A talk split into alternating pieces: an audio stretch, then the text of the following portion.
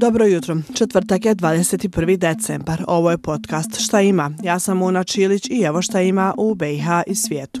1, 2, 3, 4.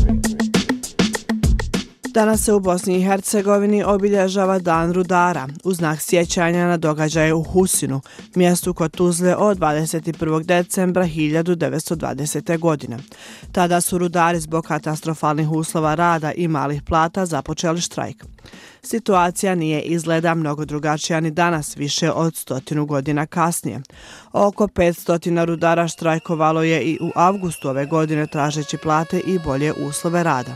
Danas svi zajedno, mi smo gradili termoelektrane i elektroprivredu i nema tog problema koji svi zajedno nećemo riješiti. Kao rezultat toga, vlada Federacije BiH smijenila je cijelo rukovodstvo elektroprivrede. BiH ima 14 aktivnih rudnika uglja, a rudnici u vlasništvu elektroprivrede BiH su najveći proizvođači uglja.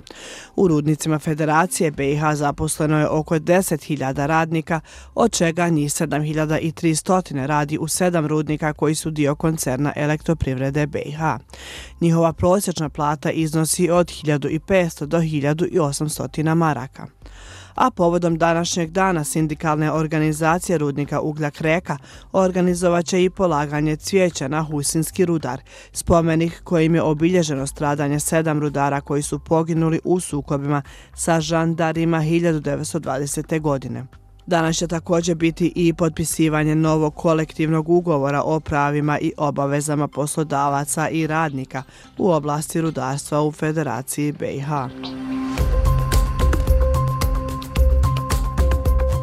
Nastavlja se sjednica predstavničkog doma federalnog parlamenta.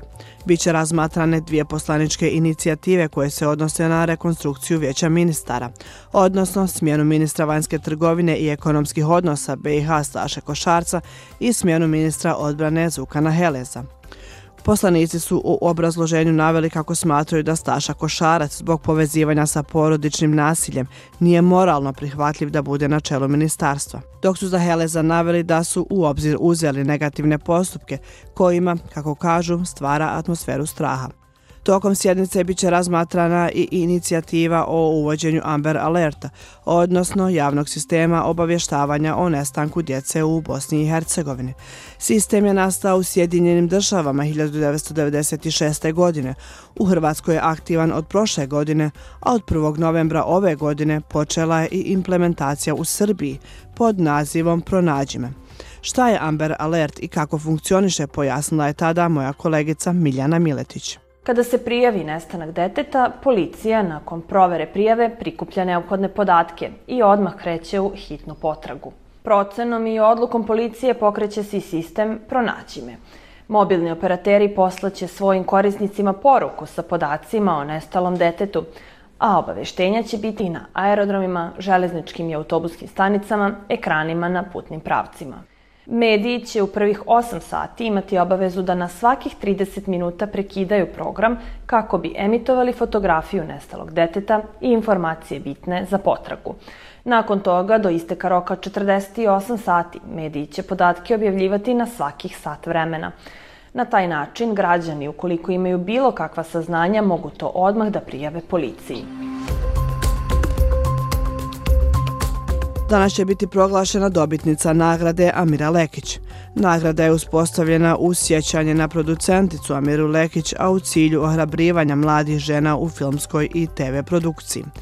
Nagrada je zamišljena kao dijelo mentorstvo, a dijelom kao i novčana nagrada, a bit će dodijeljena filmskoj radnici do 35 godina starosti.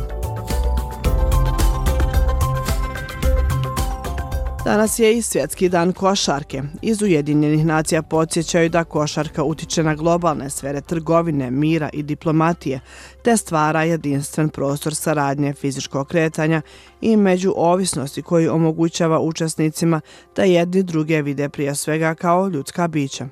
Košarka, kao i mnogi drugi sportovi, prevazilazi granice, kulture i jezik.